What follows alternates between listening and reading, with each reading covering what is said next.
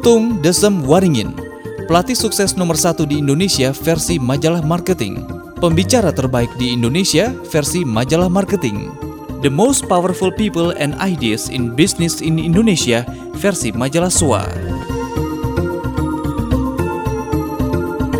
CD ketiga Bagaimana cara orang kaya mengumpulkan uang ribuan kali lebih banyak dibanding orang biasa dalam waktu yang sama? Ada kunci rahasia yang diketahui oleh orang kaya sehingga, sehingga dia bisa mengumpulkan uang ribuan kali lebih banyak dibanding orang biasa. Bagaimana seorang tukang bakso, tukang es, dalam waktu yang sama dengan tukang bakso dan tukang es yang lain bisa mengumpulkan uang ribuan kali lebih banyak dibanding tukang bakso dan tukang es yang lain. Bagaimana seorang dokter, seorang pembicara, seorang pengusaha, ataupun seorang profesional bisa mengumpulkan uang ribuan kali lebih banyak dibanding orang biasa dalam waktu yang sama. Rahasianya satu, yaitu mereka menggunakan faktor kali. Sekali lagi saya ulangi, mereka menggunakan faktor kali. Apa yang dimaksud sebagai faktor kali ini? Ketika kita mau kaya, di CD saya sebelumnya sudah diungkap bahwa kita harus mempunyai nilai tambah. Sesuatu hal yang kalau orang tidak mau beli, tidak mau mendapatkan produk dan jasa kita, padahal nilai tambahnya begitu luar biasa, sehingga kesannya orang tadi bodoh kalau tidak mau mendapatkan nilai tambah kita, Nilai tambah bisa datang dengan cara kita merubah bentuk, bisa merubah nama, bisa merubah orang menjadi lebih mudah untuk mencapai yang dia impikan, membuat orang jadi lebih semangat. Itu adalah nilai tambah. Nah, kalau kita sudah mempunyai nilai tambah, orang kaya tahu persis bahwa dia harus menggunakan faktor kali. Sedemikian sehingga sekali sentuh nilai tambahnya tadi bisa beredar dan dinikmatin orang yang lebih banyak. Misalnya begini, Mari kita lihat angka-angka dasar di bawah ini. Bila seseorang ingin mendapatkan keuntungan 10 miliar, dia bisa menjual sesuatu kepada seseorang yang untung seketika 10 miliar. Jadi nilai tambahnya senilai 10 miliar, dia langsung dapatkan uang. Di luar itu, kalau dia mau lebih kaya lagi, dia juga bisa menggunakan faktor kali. Jadi menjualnya bukan hanya kepada orang satu yang untung 10 miliar, tapi dia juga bisa jual kepada 100 orang untung masing-masing 10 miliar. Akibatnya dia untung 1 triliun. Atau misalnya begini, kita mendapatkan uang 10 miliar. Kita bisa juga menjual kepada 10 orang yang untung masing-masing satunya 1 miliar. Atau kita bisa menjual kepada 1000 orang dengan untung masing-masing 10 juta. Atau mungkin juga kita bisa menjual kepada satu juta orang dengan untung masing-masing 10 ribu. Atau seperti orang yang jualan jelly, mungkin untungnya cuma 10 rupiah, tapi dia bisa jualan 1 miliar jelly. Akibatnya dia juga untung 10 miliar. Atau kita bisa juga menggunakan kali dan kali berikutnya. Contohnya begini, kita menjual kepada satu orang untung satu miliar sebanyak 10 kali atau misalnya menjual kepada 10 ribu orang dengan untung 100 ribu sebanyak 10 kali jual lagi atau kita bisa menjual kepada 100 ribu orang dengan untung hanya 1000 rupiah sebanyak 100 kali dan seterusnya fokus orang kaya Bagaimana dia bisa mendapatkan uang ribuan kali lebih banyak dibanding orang biasa dalam waktu yang sama? Orang kaya mempunyai fokus sadar atau tidak sadar. Mereka fokus kepada beberapa hal di bawah ini. Satu, sekali kerja untung sangat besar, puluhan miliar, ratusan miliar, seperti mengerjakan proyek-proyek besar, membangun jalan, membangun lapangan udara, rumah sakit, menjual senjata berat, pesawat terbang, kapal persiar, dan lain sebagainya. Atau yang kedua, mereka fokus beberapa kali kerja dengan untung yang besar, seperti menjadi developer rumah mewah, importir mobil mewah, dan termasuk misalnya ada bengkel yang di awal karirnya mereka sibuk untuk turun mesin ganti oli. Untungnya kecil, tapi pada waktu akhirnya mereka tahu bahwa body repair itu lebih menguntungkan, mereka lebih fokus ke body repairnya daripada bengkelnya. Bengkelnya ditutup.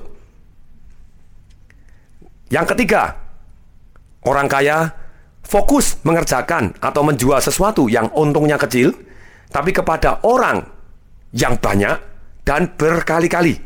Seperti membangun perusahaan yang menghasilkan produk atau jasa yang dikonsumsi oleh banyak orang atau perusahaan secara berkali-kali. Seperti pabrik rokok, pabrik mie, pabrik terigu, pabrik baja, pompa bensin. Jadi kesimpulannya, orang yang kaya mereka berfokus kepada upaya untuk membuat nilai tambah dan mereka memanfaatkan faktor kali sehingga sekali sentuh nilai tambahnya beredar kepada orang banyak dan mereka mendapatkan uang yang sangat banyak. Mari kita beri contoh dalam praktek sehari-hari. Misalnya, level 1, orang fokus untuk membuat nilai tambah. Orang yang sukses, mereka akan fokus selalu kepada nilai tambah dalam arti sukses yang mencerahkan hidup orang banyak. Misalnya, ketika mereka membuka usaha bengkel mobil, mereka pasti membuat nilai tambah kepada pemilik mobilnya. Antara lain, misalnya servisnya cepat, memuaskan, lebih dekat dengan lingkungan, lebih murah, lebih lengkap, alat-alat lebih modern, lebih dikenal, lebih ahli dari bengkel yang lain, sehingga, pasti mereka mempunyai nilai tambah dibanding bengkel yang lain. Ini hanya level pertama.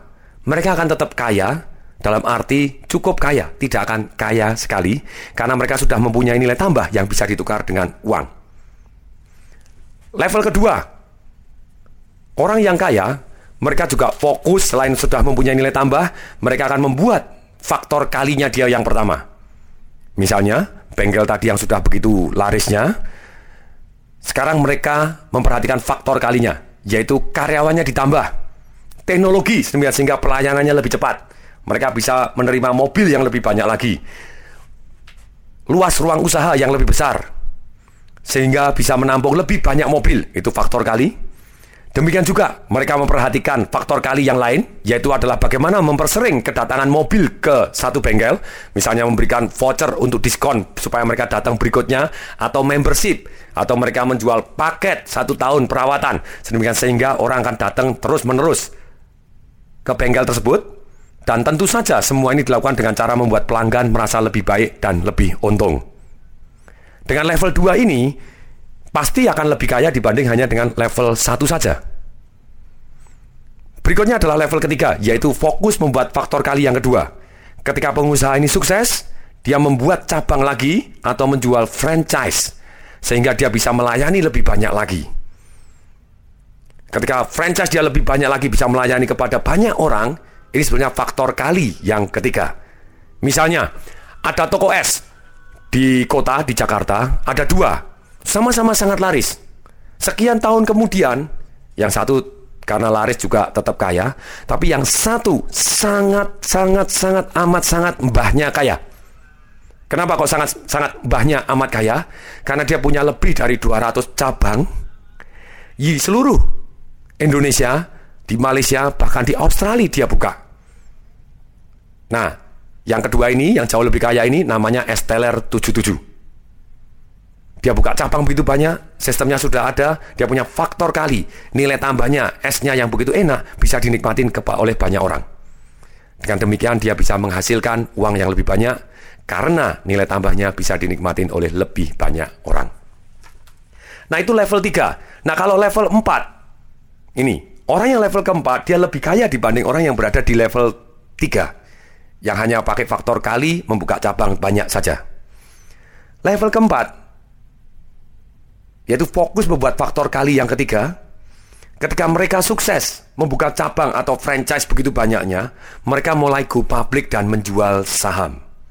Sekali lagi, mari kita lihat orang-orang yang paling kaya di dunia, mereka sebetulnya bukan jual atau beli saham, mereka menjual sahamnya.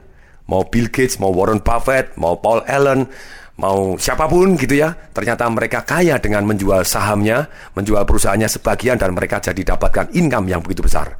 Setelah mereka membuat nilai tambah dan membuat faktor kali yang bisa dimanfaatkan oleh orang yang banyak, kemudian mereka jual sahamnya, maka mereka lebih kaya. Sekarang, pertanyaan saya, sudah pernah dengar kata-kata Bill Gates? Siapa dia? Penyanyi dangdut? Sudah pasti bukan, gitu ya.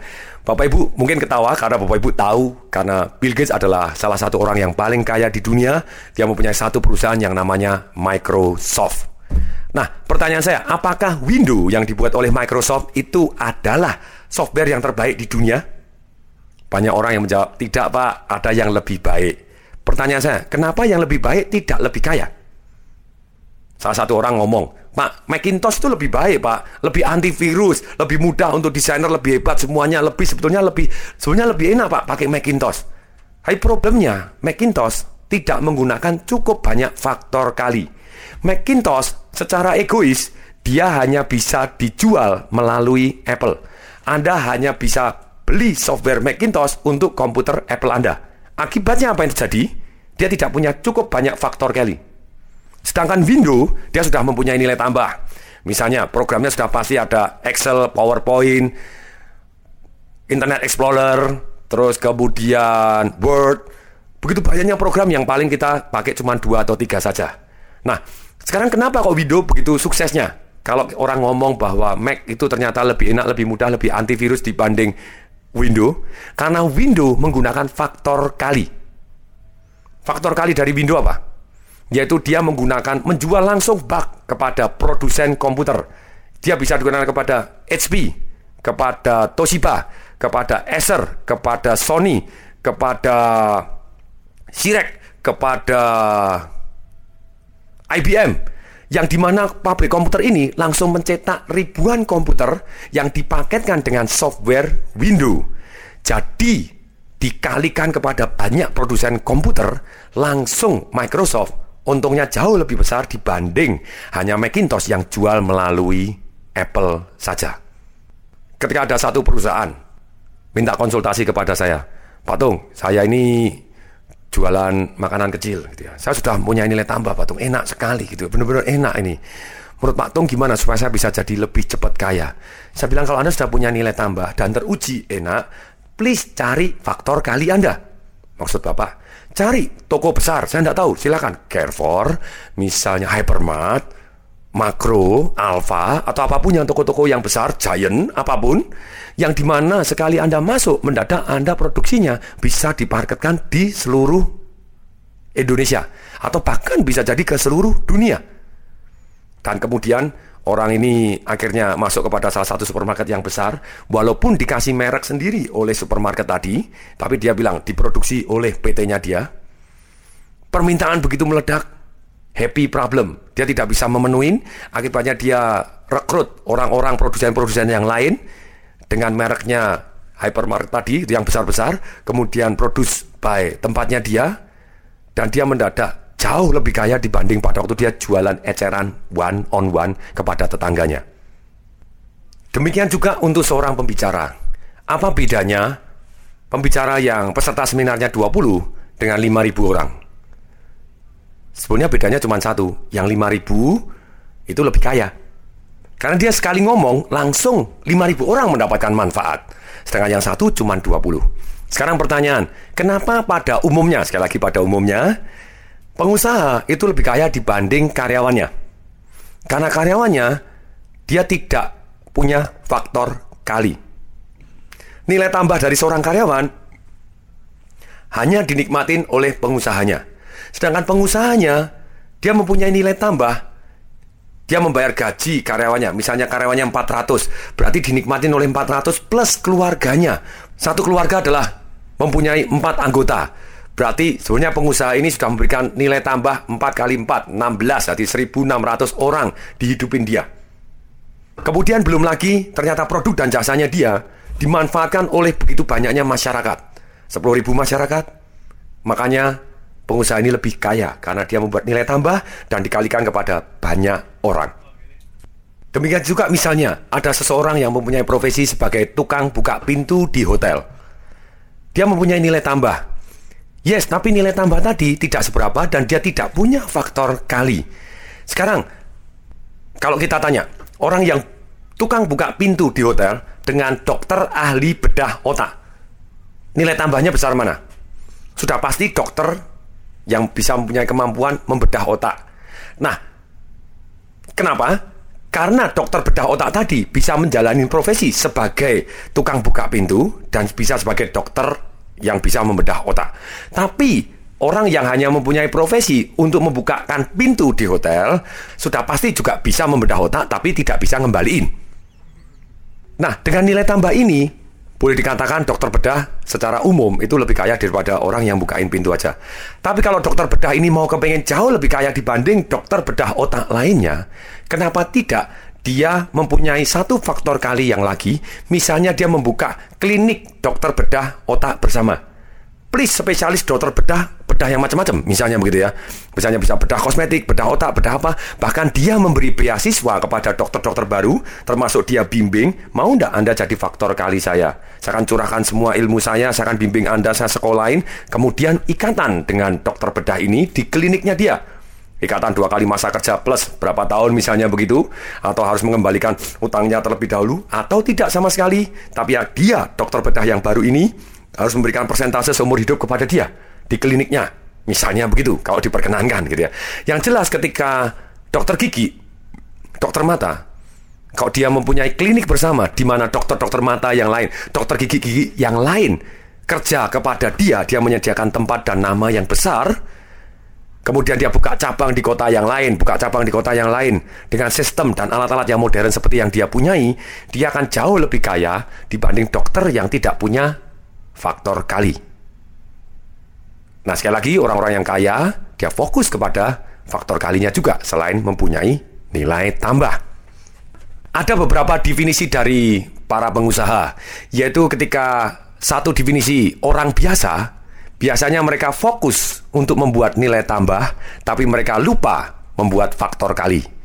Misalnya, pengusaha bengkel tadi sudah sukses di level 1, yaitu membuat nilai tambah, tetapi dia tidak peduli lagi terhadap faktor kalinya, yaitu bagaimana memperbanyak jumlah mobil yang akan datang. Bahkan sering kali orang biasa ini malah merasa terganggu ketika pelanggannya bertambah banyak. Sehingga mereka seumur hidup, mereka mengumpulkan kekayaan, kekayaan, kekayaan, kekayaan terus, tapi akan jauh lebih lama dan lebih sedikit dibanding terhadap orang-orang yang perhatian terhadap faktor kalinya. Itu orang biasa, hanya fokus kepada nilai tambah. Orang yang celaka lupa membuat nilai tambah, lupa faktor kali. Orang yang celaka ini fokus bagaimana membuat keuntungan tanpa membuat nilai tambah dan tidak peduli faktor kalinya. Sehingga orang tersebut tidak peduli apakah orang mau membeli produk dan jasanya atau tidak. Orang begini tentu akan bangkrut. Contoh, orang membuka usaha bengkel, tetapi bengkel itu tidak memberi nilai tambah apa pun dibanding dengan bengkel lain. Akibatnya sama saja, seperti tadi. Selalu kalau kita mau tes nilai tambah, selalu kita harus tanya dan tes cermin kepada diri sendiri. Kenapa orang mau ke tempat saya? Apa nilai tambah saya? Apa kelebihan saya dibanding bengkel yang lain?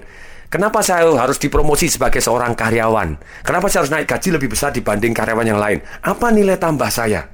Ketika orang fokus tidak peduli membuat nilai tambah dan tidak peduli faktor kalinya, mereka mau cari untung saja. Misalnya, contoh lain, ada karyawan yang demo minta naik gaji, tapi dia tidak mempunyai nilai tambah apa pun dibanding dengan karyawan yang lain ataupun calon karyawan yang lain, sehingga perusahaan dengan mudah memecat dan mengganti dengan karyawan yang lain. Apalagi kalau di kondisi di Indonesia, ketika begitu banyaknya pengangguran, ketika banyak orang demo, demo, demo, demo itu adalah cara yang paling menyedihkan untuk naik gaji. Mungkin tidak orang demo bisa naik gaji, bisa, tapi cuma sekali doang. Tidak akan bisa berkali-kali. Dan Anda akan di blacklist tidak disukai di perusahaan. Dan ketika Anda dikeluarkan, jarang sekali perusahaan yang mau menerima Anda karena Anda tukang demo. Jadi seorang karyawan pun, itu dibahas di CD saya yang ketujuh, bagaimana kalau Anda kepengen naik setahun gaji tiga kali, salah satunya Anda harus mempunyai nilai tambah lebih dibanding karyawan yang lain. Sekali lagi, hidup adalah nilai tambah, tapi ketika semua hidup, hidup adalah nilai standar. Bengkel adalah nilai tambah daripada tidak ada bengkel. Tapi ketika bengkel Anda di dalam satu jalan ada lima bengkel, bengkel sudah bukan nilai tambah. Anda harus lebih, servisnya lebih bagus, lebih murah. Oke, okay. kalau Anda murah itu adalah nilai tambah. Tapi ketika semua orang murah, murah adalah nilai standar. Kita mulai tahu persis. Ketika buku saya launching Financial Revolution, saya fokus untuk membuat nilai tambah dan kemudian fokus kepada faktor kali. buku saya punya dua CD audio. Satu CD audio, Financial Revolution, bagaimana kaya aman dan cepat. Satu CD audio, Sales Magic, bagaimana menjual sepotong roti tawar Anda dengan harga 300 juta dan orang masih berebut, senilai 120 ribu. Saat itu, merupakan satu-satunya buku yang ada di dunia yang mempunyai hadiah dua audio CD. Akibatnya, buku saya jelas pasti punya nilai tambah dibanding buku yang lain. Makanya ketika Gramedia jualan, buku hardcover saya yang ada dua audio CD-nya jauh lebih laku dibanding buku soft covernya, walaupun soft cover lebih murah. Kenapa? Karena ada nilai tambahnya.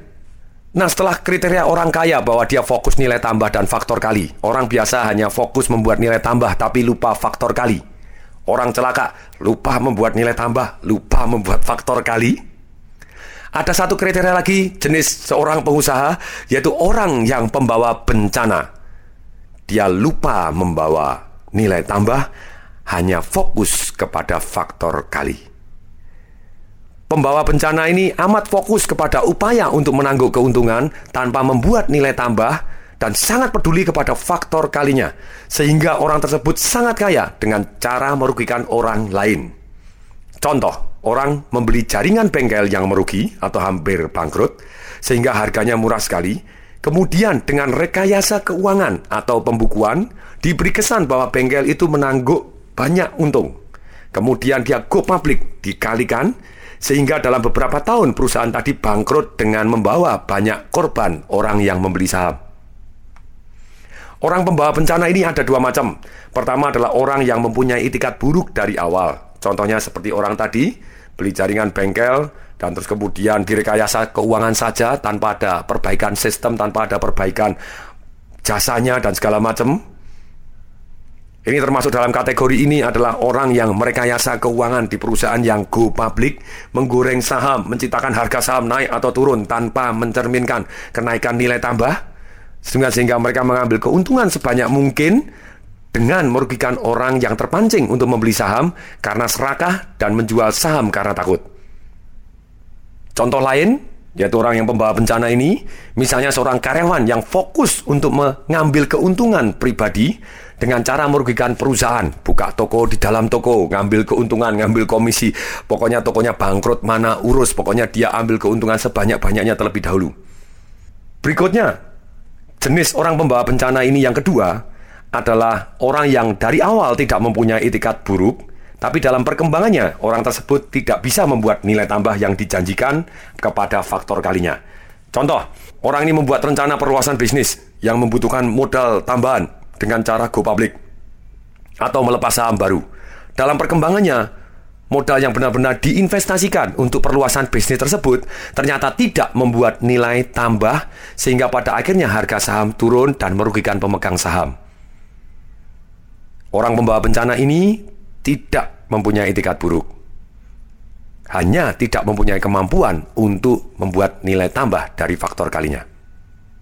Oke, sebelum saya lanjutkan kepada babak berikutnya tentang bagaimana orang kaya mengumpulkan uang ribuan kali lebih banyak dibanding orang biasa dalam waktu yang sama, pertanyaan saya, apa nilai tambah Anda dan apa faktor kali Anda sehingga sehingga Anda bisa lebih kaya dibanding orang lain dalam waktu yang sama, ribuan kali bahkan. Setelah jurus pertama menggunakan faktor kali, nilai tambah dan faktor kali. Yang kedua, definisi uang. Apa definisi uang? Seringkali saya tanya dalam seminar saya.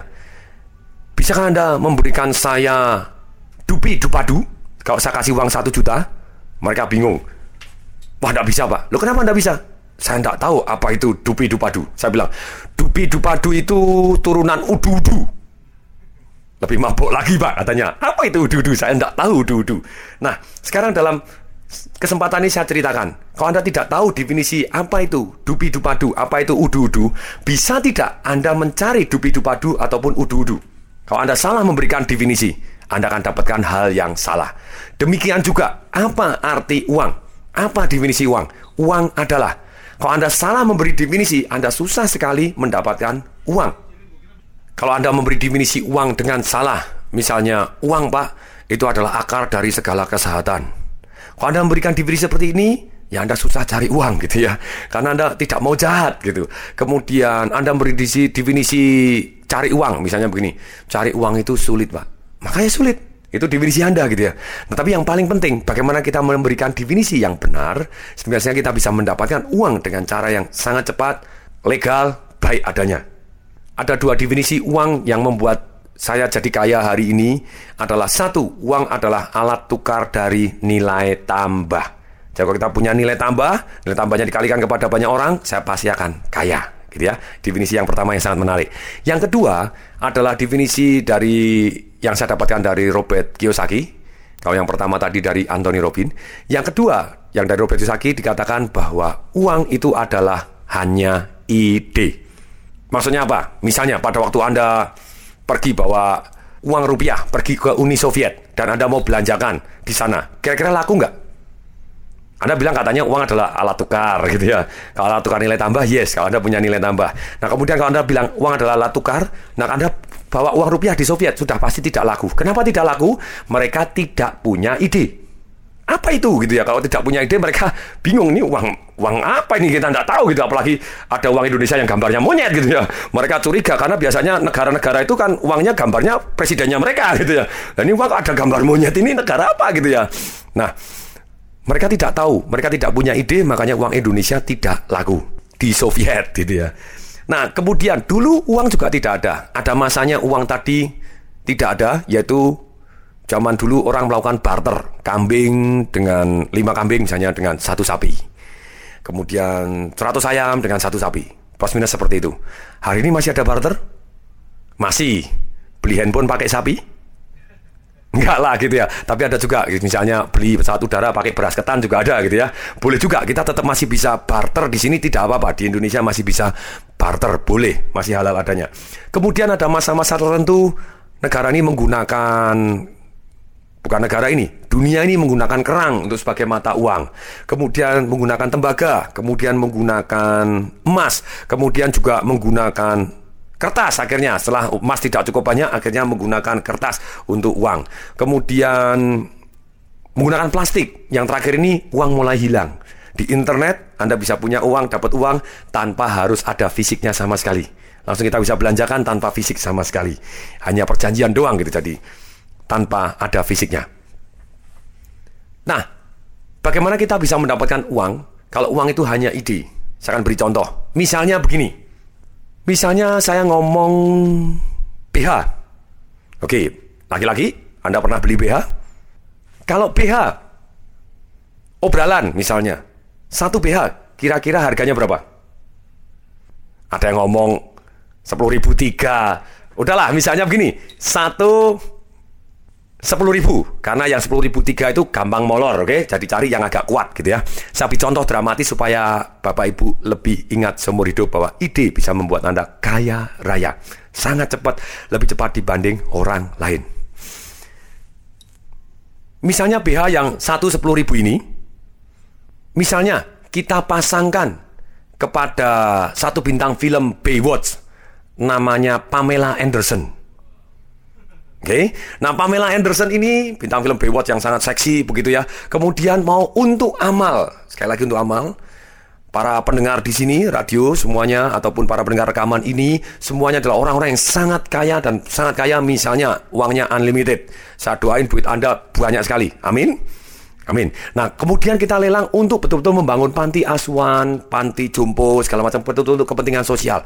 Sekarang kita lelang BH ini yang dikasih lipstiknya Pamela Anderson ditandatanganin begitu ya dan dilelang untuk kepentingan amal. Kalau di dalam seminar-seminar saya menarik, ada yang bilang 100 juta pak, wih 10 ribu langsung jadi 100 juta. Buat ada yang lebih, 1 miliar pak. Saya bilang, wah ini lebih ngefans kepada Pamela Anderson daripada saya gitu ya. Berani beli BH 1 miliar. Kemudian kalau misalnya beli 1 miliar, mungkin tidak. Sebetulnya BH ini bisa laku 1 miliar. Mungkin. Mungkin karena memang untuk sosial, untuk nyumbang begitu ya. Kalau laku 1 miliar, 1 BH, Berarti untungnya berapa kali lipat dibanding 10 ribu? 100 ribu kali lipat hanya dalam waktu 10 menit. Anda bisa mendapatkan nilai tambah yang luar biasa dengan kekuatan ide Anda yang luar biasa. Waktu saya nyumbang untuk bangun sekolah di korban lumpur Lapindo, saya lelang 6 buku saya. Satu buku bisa laku 2200 US. Buku Financial Revolution, just one thing. Saya bilang ini just kekuatan ide, saya praktekkan begitu ya. Total 6 buku dapat 72 juta, lumayan juga gitu ya. Bisa untuk nyumbang untuk bangun sekolah. Nah inilah, tidak harus kekuatan, ya saya sumbang sendiri boleh. Tapi dengan ide pun bisa menghasilkan uang yang sangat-sangat banyak. Apa ide Anda untuk menghasilkan uang yang sangat-sangat banyak? Saya beri contoh, misalnya begini.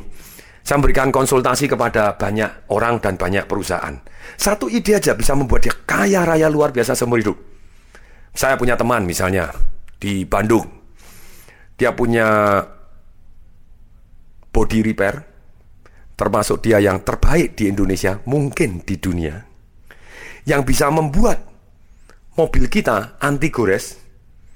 Dan semakin mobil ini umurnya panjang, wet look buatannya dia, wet look. Jadi misalnya Mercy kita atau mobil kita apa pun dibuat dia jadi seolah-olah tampak berkiloan, Malah setelah empat bulan, setelah satu tahun, setelah dua tahun, mengkristal lebih bening lagi, lebih bagus, lebih anti gores, tahan api, yang di mana produsen mobil di dunia yang lain belum bisa membuat seperti ini. Dia sibuk sudah punya nilai tambah yang luar biasa, dia riset sendiri, dia ilmuwan hebat sekali. Pada waktu kemarin datang ke rumah saya, Pak Tong, yuk kita kerjasama. Boleh, saya bilang gitu. Saya punya faktor kali. Faktor kali yang paling sederhana itu adalah kita buka cabang lagi di Jakarta, buka cabang lagi di seluruh ini, kita buat franchise, bagus. Mau langsung kaya, saya bilang. Sekali deal, Anda kerja seumur hidup, tetap akan kalah dengan cara ini. Oh mau, mau, mau, mau, mau. Oke, kenapa tidak?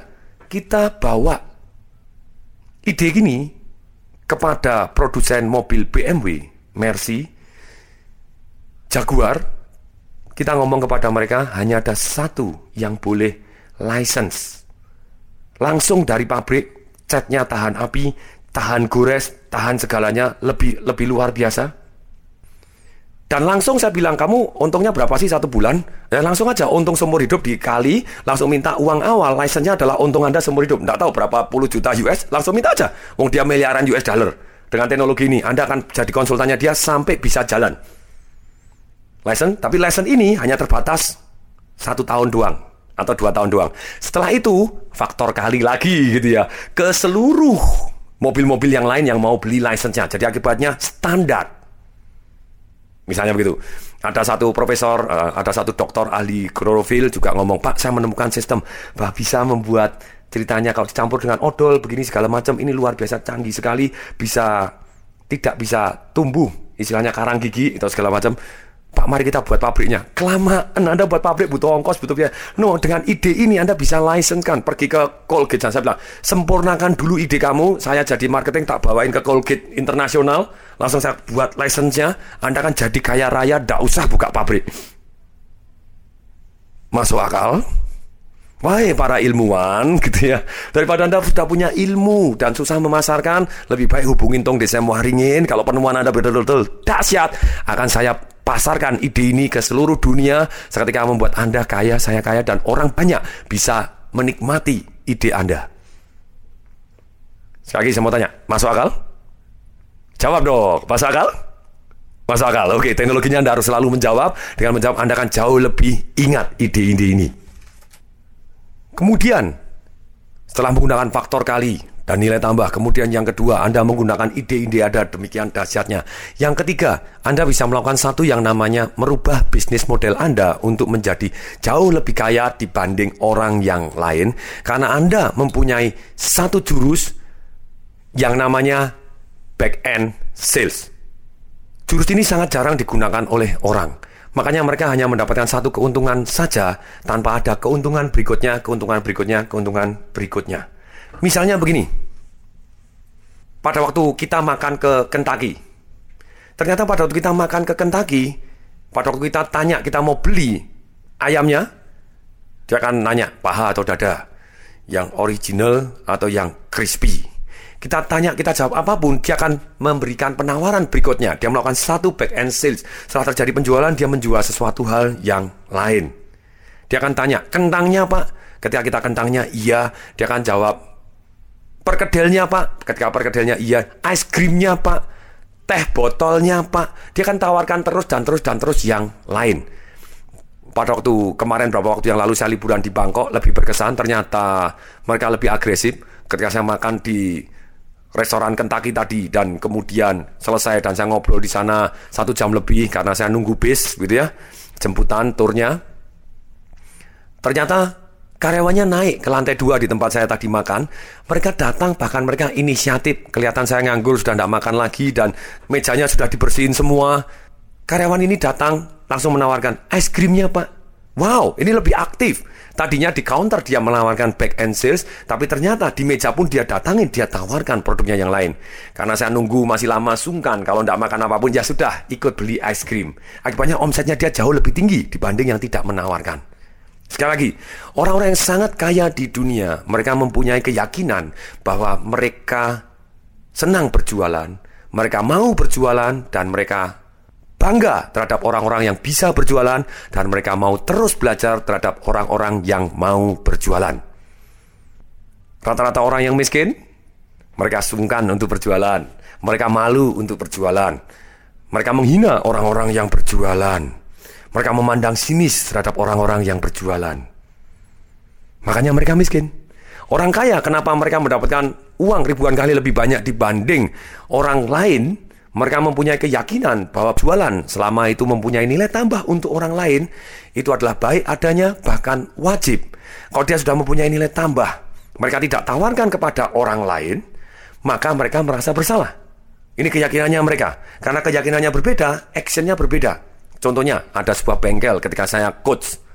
Ternyata dari karyawan satu bisa jadi 65, bengkel satu, jadi empat bengkel gitu ya.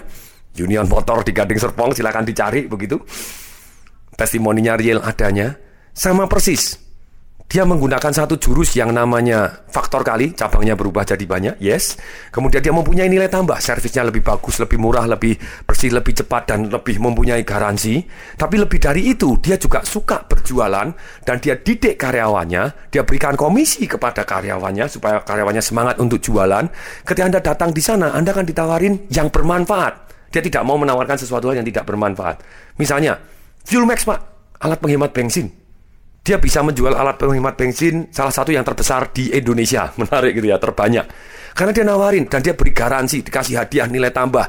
Pak, Anda ambil ini Pak, berdasarkan majalah Autobuild Pak, ini bisa menghematkan 20 sekian persen, berdasarkan mobil dan motor Pak bisa sekian persen. Berarti kalau Anda dalam bensin yang naik sekian banyak ini Pak, Anda pakai Pertamax Plus, Anda pakai ini, kalau pakai ini Anda bisa menghemat sekian persen. Berarti dalam sekian bulan Anda break even point, Pak. Dan lebih dari itu, Pak, saya berikan payung gratis dan kasih garansi. Nah, ini karena dia memberikan nilai tambah dan dia percaya sekali produk dan jasanya bagus, dia memberikan garansi. Garansi orang akan beli lebih banyak. Garansi, Pak, dalam satu minggu dipakai alasan apa pun. Anda merasa tidak ada manfaat, atau manfaatnya Anda rasa tidak senilai dengan uangnya, datang kembali di sini, saya kembali kembalikan Anda fuel max-nya Pak, alat penghemat bensinnya, dan Anda saya berikan payung yang tadi Anda ambil gratis, duit saya kembalikan 100%, payungnya boleh Anda simpan. Menarik? Dia sudah pasti cara menawarkannya lebih mempunyai nilai tambah dibanding dengan bengkel-bengkel yang lain. Makanya ada termasuk salah satu yang sangat rame. Nah dunia terus berubah, saran saya Union Motor juga bengkel-bengkel yang lain terus belajar gitu ya. Tunggu di buku Marketing Revolution saya dan CD-CD audio Marketing Revolution series saya yang akan meledakkan omset Anda karena orang-orang kaya sangat senang berjualan dan terus mau belajar jualan. Gimana dengan Anda? Nah, ketika Bapak Ibu sudah termotivasi untuk menjual, saran saya sekarang buat turunan dari produk Anda yang bisa dijual lagi. Misalnya Anda ahli masak. Kenapa Anda tidak menjual langganan berikutnya atau ngajarin kepada tukang masak berikutnya jual franchise untuk masak gitu ya. Terus kemudian pada waktu masak dijualin back and sales, Pak ini tertarik Pak, ada aroma terapi. Silakan ada oilnya Pak, ada untuk mandi Pak, ada ada turunannya, ada musik relaksasinya, sekalian dijualin sekalian. Kenapa tidak? Salon ada yang meledak luar biasa ketika ikut marketing revolution saya begitu ya. Dengan sederhana sekali pada waktu dia nganggur, karyawannya sepi-sepi, langsung diberikan voucher untuk menjual terlebih dahulu, membuat nilai tambah supaya orang silakan datang, bisa keramas gratis, keramas gratis. Ketika orang mau datang ke salonnya dia keramas gratis, dijualin, mau potong pak, kerimbat pak, manikur pedikurnya pak. Nah daripada salonnya sepi, ya lebih baik ngeramasin gratis, tidak apa-apa. Bengkel sepi, kasih voucher cuci mobil senilai 20 ribu, Anda hanya cukup bayar 5 ribu, bisa cuci snow misalnya begitu. Ketika datang jadi jualin, dijualin membership supaya mereka datang terus berkali-kali kali atau dijambahin hadiah yang lain seperti tadi, jualin apa pun alat penghemat bensin, apa pun segala macam sehingga sehingga bisa jauh omset Anda lebih banyak dibanding bengkel yang lain. Jadi kali, kali lagi, kali lagi, kali lagi, kali lagi. Sehingga, sehingga begitu banyak faktor kali dan banyak penjualan Anda, yang pasti jualan Anda harus selalu membuat nilai tambah, tidak boleh merugikan orang lain. Jadi benar-benar orang kaya yang mencerahkan, bukan yang pembawa bencana. Nah, Anda akan sukses dan kaya dan orang masih berterima kasih kepada Anda. Semoga bermanfaat.